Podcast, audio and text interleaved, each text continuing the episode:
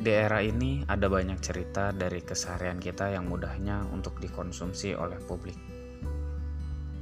Di sini kita akan berbagi cerita tentang apa yang terjadi entah itu kemarin atau hari ini agar bisa dikonsumsi dengan baik. Lalu akal sehat kita dengan mudahnya mencerna sehingga bisa menjadi energi positif untuk esok hari.